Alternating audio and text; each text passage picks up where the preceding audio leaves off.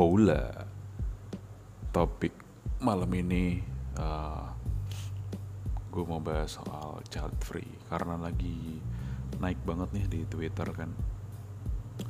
Terus sebenarnya yang mau gue bahas tuh uh, Apa ya Tentang bukan spesifik soal child free sih Tapi lebih ke arah dua kubu tentang child free dan yang punya anak itu kayak seru sih di Twitter.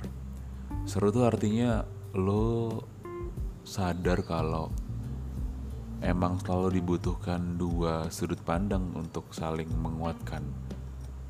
Karena kadang kalau misalnya muncul dua sudut pandang kita bisa sadar sesuatu yang sebelumnya kita nggak tahu.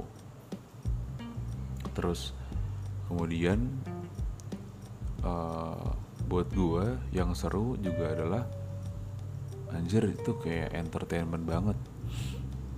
Eh, nggak uh, berdampak di hidup gue gitu. Gue ngeliat orang-orang bisa komentar segala macam saling balas komentar itu bener-bener wow. Ada ya gitu. Maksudnya uh, adu argumen sampai segitunya gitu kayak ya udah habis nulis juga habis itu lu balik lagi ngapain kek? Ngurus kerjaan ngurus anak atau ngurus suami lo atau ngurus apa baca buku lagi gitu. Kayak ya udahlah gitu lewat aja. Itu bikin gue inget sama ucapan temen gue waktu kuliah. Dia bilang setiap orang punya fase dan setiap fase ada orangnya. Itu gue inget banget karena ya gue sempet di fase-fase yang agnostik tidak beragama tapi bertuhan dengan segala macamnya. Nggak pengen nikah nggak pengen punya anak gitu-gitu. Tapi ya kan manusia berkembang ya. Makin lo belajar makin lo baca buku sumber-sumber informasi lain yang kredibel sampai akhirnya gue di suatu titik ngerasa bahwa anjing gue cuma pengen hidup tenang gitu urusan lo lo mau agnostik lo mau child free bodoh amat. Kayak selama lo nggak ganggu hidup gue nggak masalah gitu.